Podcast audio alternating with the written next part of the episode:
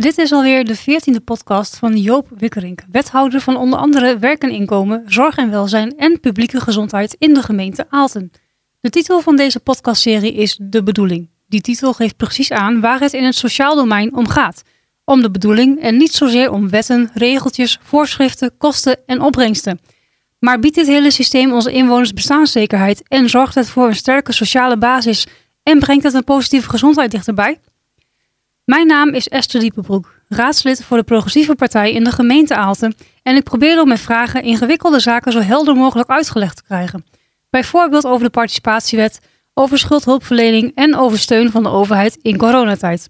En natuurlijk over de WMO, de Wet Maatschappelijke Ondersteuning, Welzijn en Publieke Gezondheid. Joop, eerst maar eens even over een onderwerp wat al lang ligt te sudderen tussen aanhalingstekens. Macht en tegenmacht, een term die in Den Haag opeens weer populair is. Je wilde er nog iets over zeggen, maar er gebeurt elke dag nog zoveel dat je nog even een tussenstap wilt maken. En een vergelijking wilt maken tussen de, het eindverslag van informateur de heer Tjink Willink en een evaluatie die er is geweest over raadsprogramma's in Nederland. Vertel eens Joop. Ja, uh, volgend jaar zijn er weer verkiezingen voor de gemeenteraad en daarna komt de collegevorming weer aan de orde. En vorige keer hebben we in Aalten gewerkt met een raadsprogramma. Dat is naar mijn idee goed bevallen. Er vinden nu ook allerlei evaluaties uh, plaats. Maar als we dus nog een keer met zo'n raadsprogramma willen komen, ja, zullen we goed moeten nadenken over wat niet en wat wil. Uh, de, de, huidige raadsakkoorden, dat zijn er dacht ik 56 in Nederland, die zijn bekeken en de werkwijze is geëvalueerd. En ik denk dat we goed van die inzichten kunnen profiteren en ervan leren.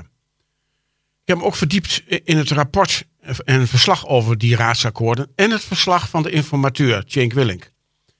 En dan zie ik uh, echt overeenkomsten. De manier waarop Cenk Willink de inhoudelijke aanvliegroute kiest, spreekt mij bijzonder aan. En ik zou willen dat we dat met het raadsprogramma in de komende tijd ook zo voor elkaar zouden kunnen boksen. Vier puntjes. Eén, hij geeft hele goede argumenten voor niet gedetailleerde akkoorden, akkoorden en pleit voor het benoemen, agenderen van de grote uitdagingen en problemen in de komende tijd. Letterlijk zegt hij: is er overeenstemming mogelijk over een duidelijke, met geobjectiveerde feiten onderbouwde feiten van elk van de grote problemen en hun oorzaken? Is er een gemeenschappelijk doel of eerder gemaakte afspraken dat bereikt moet worden? En welke belemmeringen staan daarvoor in de weg? Welke en met wie is er samenwerking nodig? Dat betekent dus in gewone mensentaal dat je in een raadsakkoord vastlegt wat er de komende tijd op de agenda moet zijn, met welke onderbouwing en met welke doel bereikt moet worden. En welk doel bereikt moet worden. En het hoe kun je dan in de komende periode eventueel met wisselende meerderheden in, in de raad uh, uh, bespreken en, en, en afwegen. Twee, hij geeft een paar urgente problemen. Corona, ongelijkheid, klimaat, migratie, zorg. Mijn idee is, die passen prima ook in onze gemeentelijke praktijk. Wat mij betreft zou de driedeling zijn: 1. Bestaanszekerheid, werk, inkomen, flexcontracten, armoede. 2. Ongelijkheid op de woningmarkt, in het onderwijs. En 3. Klimaat en gezondheid, stikstof en landbouw. Het derde punt wat hij zegt. Daarna kijk je welke mensen dit moeten gaan uitvoeren. Daarin zegt de dus ook een paar interessante dingen. Hij zegt ministers, en ik zeg ook maar wethouders, moeten weer materiedeskundigen worden. De ambtelijke organisatie moet inhoudelijk versterkt worden. Er is te veel kennis weggesaneerd. Hij heeft het over het Rijk, maar ik zie ook wel parallellen met de gemeentelijke wereld. En dan vier, een groot punt maakt hij natuurlijk van de bestuurscultuur. En ik kan daar kort over zijn. Alles wat de informateur aangeeft, is op lokaal niveau al reeds betoogd. Ook door onze partij, de Progressieve Partij. Bijvoorbeeld, vertrouwen moet verdiend worden, meer dualisme, enzovoort, enzovoort. Daar hebben we het al jaren over. Is het niet zo dat naarmate de tijd verstrijkt, het enthousiasme voor akkoorden op hoofdlijnen, zoals dat zo mooi zeggen, en andere bestuurscultuur ook in de lokale setting weer zal afnemen? Dat zie je natuurlijk in Den Haag ook een beetje. Er moet wel geregeerd worden natuurlijk. Ja, ik ben er ook bang voor dat dat enthousiasme voor die akkoorden op hoofdlijnen of bestuurscultuur uh, weer zal afnemen. Dat zie je ook wel een beetje bij ons in de gemeenteraad. Dat aanvankelijk er een zeker enthousiasme over zo'n raadsprogramma was. Maar dat je nu toch weer een beetje in de wat oudere uh, vormen vervalt. Waarin coalitiepartijen uh, terugvallen op beheersen en beheren. En oppositiepartijen zich ook als oppositie gaan gedragen. En ja, daar ja, ook de debatten op ingaan.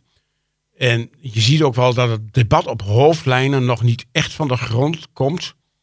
Maar ik vind wel dat er weer alle reden is om te gaan sleuren en trekken aan vernieuwing van raadsakkoorden.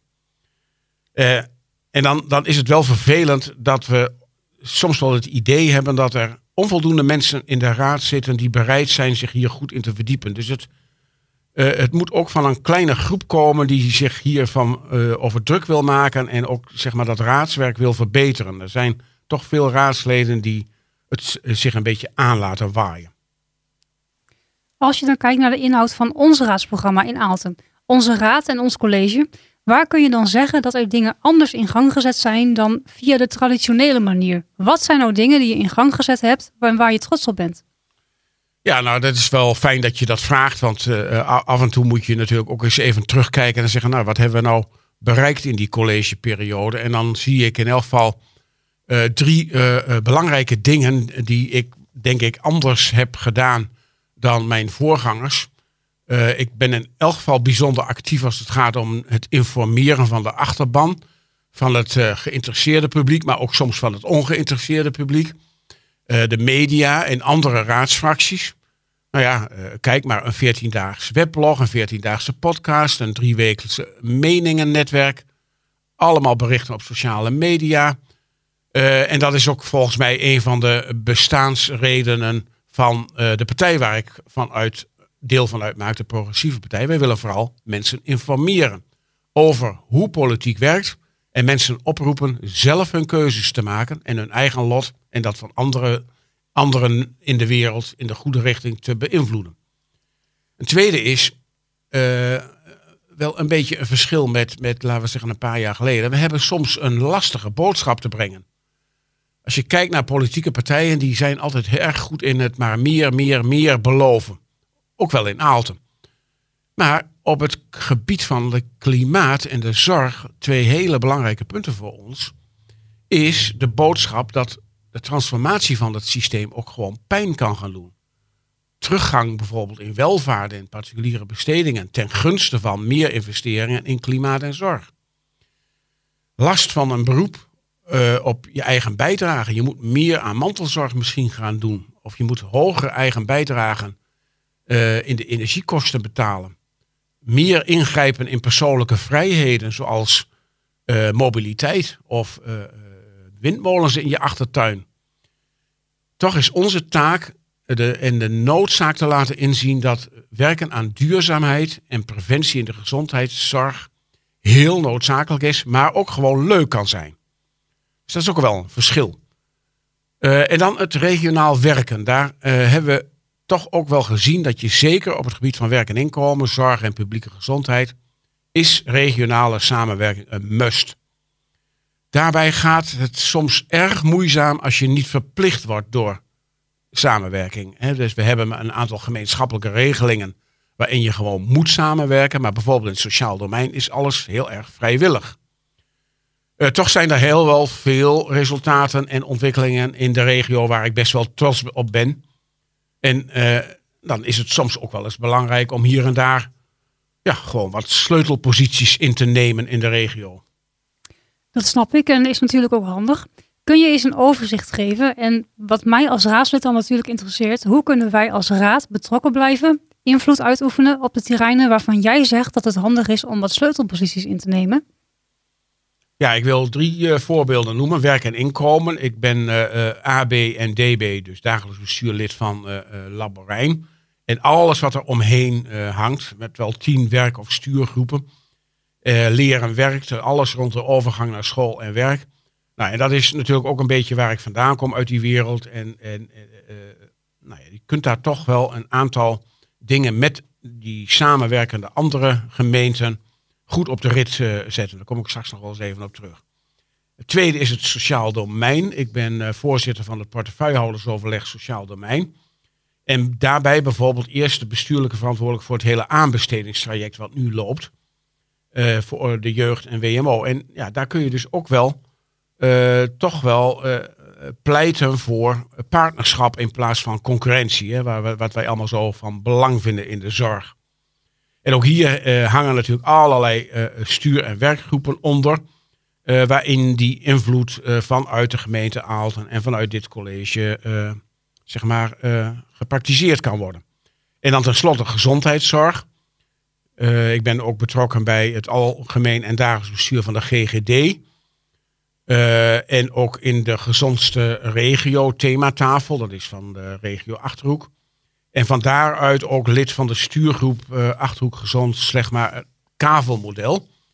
en het preventieakkoord en de werkagenda van mensen is. En dat zijn allemaal activiteiten die op een andere manier naar gezondheid kijken. Uh, dus meer voorkomen dat je ziek wordt dan ziektes pas gaan ontdekken als ze behandeld moeten worden. Nou, en dan je vraag over de raad. Ik vind het bijzonder belangrijk om de raad hierin in te nemen. Want ik kom zelf uit die raad. Jarenlang raadslid geweest en weet dat ik in de politiek gegaan ben om dingen te verbeteren voor onze inwoners.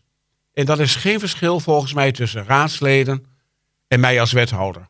Dus ik geloof ook niet zo wat je wel eens ziet in tweede kamertjes spelen in de raad. Uh, zo van een, een soort overtrokken dualisme. Maar ik wil graag nadenken, overleggen en ook vooral gebruik maken van de deskundigheden in de raad. Om de dingen voor mensen, mensen beter te maken. Dat is een soort politiek-bestuurlijke drive die ook raadsleden, en zeker ik ook, zullen herkennen dingen voor mensen beter maken. En dan hangt het natuurlijk af van je levens- en politieke overtuigingen voor welke mensen je dingen beter wilt maken. Ik neem aan dat het bij jou ook gaat om mensen die het niet altijd gemakkelijk hebben in hun leven. Weinig inkomen, misschien schulden, mindere gezondheid, onzekere positie op de arbeidsmarkt. In beleidstaal mensen met een lage SES, e sociaal-economische status. Ja, en als je naar die zes kijkt, dan gaat het natuurlijk in de eerste plaats over werk en inkomen en over bestaanszekerheid. En dan kom je weer bij uh, de hele organisatie van de sociale dienst, Laborijn bij ons. Nou, daar hebben we toch in de afgelopen jaren wel een paar dingen bereikt. In elk geval is de bejegening op orde gekomen. Uh, er waren veel klachten. En die zijn teruggekomen, een, een, teruggegaan van naar nul in het eerste kwartaal. Financieel gaat het ook niet slecht bij Laborijn. Er, uh, er wordt zelfs geld teruggegeven aan gemeenten. En wat ik ook heel erg mooi vind, het aantal uitkeringen daalt in Aalten van 3,46 toen ik begon naar 2,82. Uh, de uitvoering van de ondersteuningsregelingen in de coronatijd is zeer snel ter hand genomen. Bijna het snelste van heel Nederland. En in Aalten zijn ongeveer 400 uh, zogenaamde TOZO-uitkeringen uh, verleend. En er is ook pas een nieuwe website van Labberijn in, uh, in de lucht die meer informatie geeft. Dat was ook wel nodig trouwens.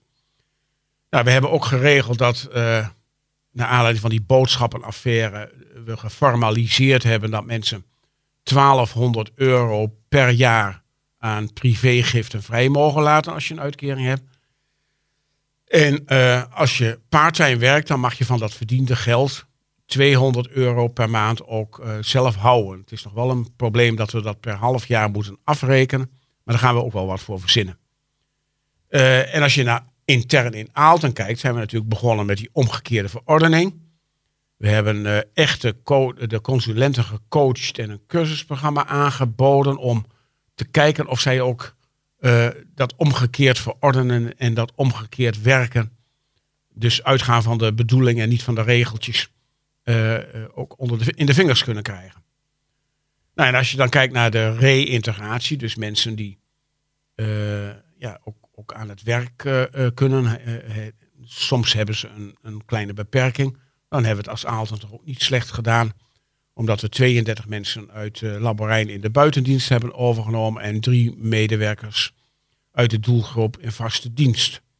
En daar hebben we ja, ook een aantal leuke projecten gedaan. Bijvoorbeeld het project Aandacht Werk waarin 38 mensen die eigenlijk nooit eh, gezien werden of gesproken werden, toch uiteindelijk uitgestroomd zijn naar werk in een jaar of twee. Nou, dat gaat over werk en inkomen. En dan gaat het natuurlijk ook over armoede en schulden. Uh, we hebben inmiddels de capaciteit uitgebreid. Uh, de nieuwe opzet schulddienstverlening is in de maak en staat in de stijgers. We hebben ook de ondernemers, de kleine ondernemers, tot onze doelgroep gerekend. En we hebben natuurlijk hebben meegemaakt dat het meedoenpact, dat is zeg maar een een pact van ervaringsdeskundigen is opgericht. En we ondersteunen als gemeente ook veel acties vanuit de bevolking, zoals de Voedselbank of de AFM Hulpweek. Nou, als je dan kijkt naar de inburgering, dat is ook best wel een iets wat natuurlijk uh, uh, aandacht vraagt, omdat het ook vaak mensen zijn met een lage economische status. Uh, ik hou me erg bezig met de directe bemoeienis van de inburgering van statushouders. Daar gaat nog niet altijd alles goed, met name de, de, de samenwerking tussen school en organisaties. Uh, en nou, we gaan nu in de nieuwe wet inburgering, hebben we dat allemaal ondergebracht samen met de gemeente Doetinchem bij Laborijn. nou, en, en we denken dat dat dan gewoon beter op zijn plek is. En dat we één pakket kunnen bieden aan statushouders. Inburgering, scholing, werk en het liefst allemaal tegelijk. Dit gaat allemaal over inkomen, meedoen, participatie en mensen zelf regie laten voeren over hun leven met voldoende inkomen om van te leven. Maar een belangrijk deel van je portefeuille en de reden waarom wij als partij in de politiek zitten, is natuurlijk ook het hele zorgdomein. Want zo onder druk staat, wat zo onder druk staat moet ik zeggen, door te weinig geld uit Den Haag. Is de zorg in goede handen bij dit college, bij jou als wethouder en bij ons als raad? Ja, ik durf dat wel te zeggen. Dat de zorg, hoewel uh, je ook al aangaf, we daar gewoon te weinig geld voor krijgen uit Den Haag. Maar de zorg is bij ons, ook bij de raad, dit college, bij mij in goede handen. En dat wil ik ook zo houden. Uh, een paar voorbeelden. Ik vertelde al over de regionale bemoeienis, over de aanbesteding, de nieuwe aanbesteding uh, voor uh, zeven jaar maar liefst op het gebied van jeugd en uh, WMO. En dat doen we op een nieuwe manier. We willen graag met die aanbieders een partnerschap vormen en niet zozeer in concurrentie met elkaar, maar in samenwerking met elkaar. dus ja, dat, dat loopt goed en je, je merkt ook dat in de regio ook meer meer aandacht komt, en ik denk dat ik daar zelf wel een rol in gespeeld heb, naar meer inhoudelijke uitwisseling tussen de gemeenten. Van hoe doen jullie dit nou en hoe kunnen wij daarvan leren? Uh, als je kijkt naar de lokale situatie, nou, dan heb ik net al gezegd, hebben we dus die omgekeerde toets hebben ingevoerd. We hebben een nieuw normenkader huishoudelijke hulp uh, ingevoerd. We hebben de omscholing en coaching van de afdeling ter hand gelopen. Maar wat ik ook heel erg mooi vind, is dat we nu bezig zijn met die opmaat naar de nieuwe beleidsnota. Om al deze ontwikkelingen in op te schrijven en vast te leggen. Uh, dat we met die opmaat bezig zijn door al die gesprekstafels met de gewone inwoners te houden. En daar hebben we in deze podcast al vaak over gehad. Als je kijkt naar ouderen, dan zie ik dat er in deze periode echt hernieuwde aandacht is voor ouderenhuisvesting. Ook ondanks het feit dat iedereen maar roept van er moeten meer woningen voor starters komen, is er toch ook echt wel uh, aandacht voor ouderenhuisvesting. En daar hebben we hier in deze podcast al vaak over gehad. Altense Hofjes, Kattenberg en een uitbreiding van de verzorgingsplaatsen. Maar ook uh, bezoeken we mensen thuis uh, om te kijken wat ze nodig hebben als ze wat ouder en misschien ook wat eenzamer worden. Nou, als je dan kijkt naar het veld van welzijn, dan denk ik ook dat we in vergelijking met vorige colleges meer contacten hebben met verenigingen en, en muziekverenigingen bijvoorbeeld. Komt ook wel deels door corona natuurlijk. Die, we hebben die verenigingen keihard nodig en nodig gehad om nog een beetje cement in de samenleving uh, te houden. Uh, we zijn ook bezig om te kijken hoe kunnen we dat voorveld, die verenigingen, herijken en nog beter een plaats geven in die sociale basis. Dus hoe kan dat voorveld dienstbaar zijn aan de doelen van het uh, sociaal domein? Er is een platform buurthuizen opgericht en een deze weken komt ook het voorstel om die buurthuizen te ondersteunen in de raad. Nou ja, en dan hebben we nog corona. We hebben echt geprobeerd om heel veel activiteiten bij verzorgingshuizen te organiseren, overleg met organisaties te voeren om eh, de vraag te beantwoorden: hoe houden we nou die solidariteit vast? En eh, ook op, op verzoek van eh, de Raad en zeker van de fractie van de Progressieve Partij, komt er een deze dagen in het college en dan ook in de Raad een fonds. En dat heet Sociaal Sterker de Crisis uit, waarin we verenigingen en organisaties willen ondersteunen als ze activiteiten organiseren om weer uit die crisis te komen. Wat nog bijna belangrijker is dan goede zorg, is te zorgen voor een positieve gezondheid. Zorgen dat mensen niet ziek worden of klachten krijgen. Dat ze gezond en lang, maar vooral gelukkig en betekenisvol kunnen leven. Wat heb je samen met anderen daarvoor in gang gezet? Ja, dat is ook typisch wel een onderwerp wat je regionaal uh, moet, moet gaan regelen. Bijvoorbeeld de GGD of het pre regionaal preventieakkoord. Uh, maar wat ik, wat ik heel erg belangrijk vind, is dat we eens gaan kijken, en dat duurt wel, wel een jaar of tien, naar het hele systeem van, van de hele financiering en de organisatie van de gezondheidszorg. En dat heet dan het kavelmodel en het Achterhoek Gezond. En we zijn op dit moment bezig met de stuurgroep om een hele roadshow te organiseren langs alle colleges en organisaties om hun, om hun enthousiast te maken voor een nieuwe manier van financieren en organiseren van de zorg. En dat is dan dat we heel erg uitgaan van preventie en niet van behandeling en van positieve gezondheid en gedrag in plaats van uh, ja, verpleging en behandeling. Dus eh, zorgen dat mensen zo lang mogelijk gezond en gelukkig blijven en niet ziek worden. En dat heeft ook te maken bijvoorbeeld met welzijn. Dat mensen zich gelukkig voelen en mee kunnen doen in de, in de samenleving. Bestaanszekerheid hebben.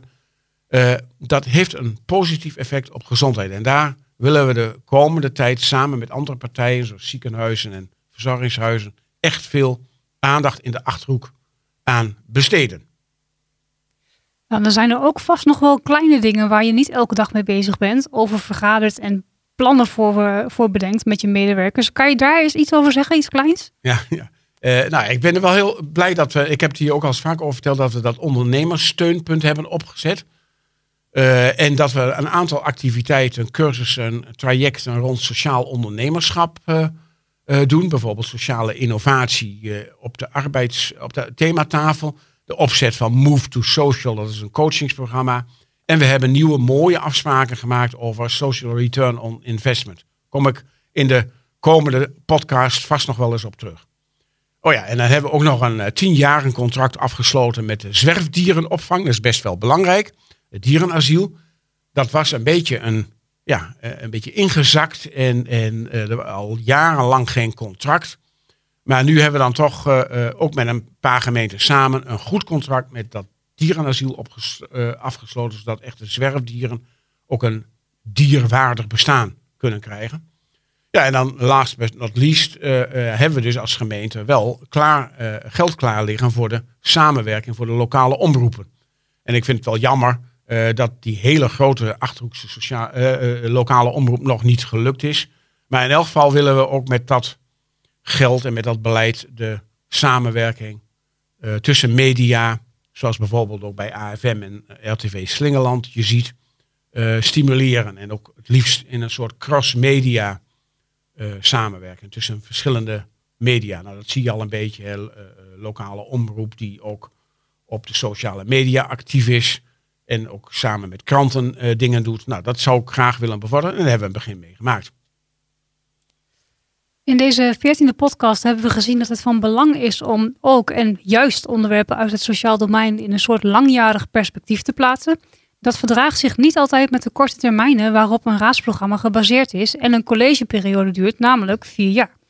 Dat is ook een puzzel waar de gemeenteraad zich van bewust moet zijn en zich over moet buigen.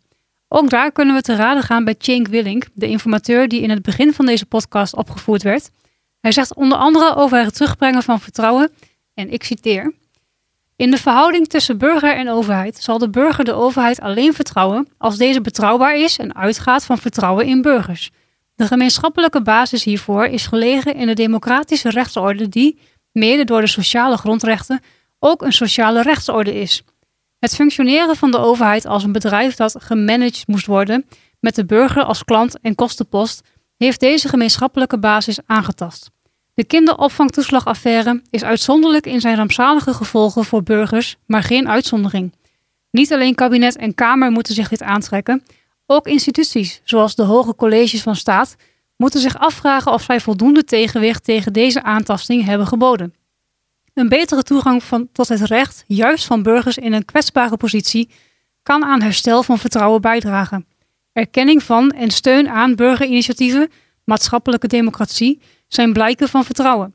Maar bovenal wordt vertrouwen gediend door duidelijkheid over de verwachtingen over en weer van burgers en overheid, een nieuw sociaal contract.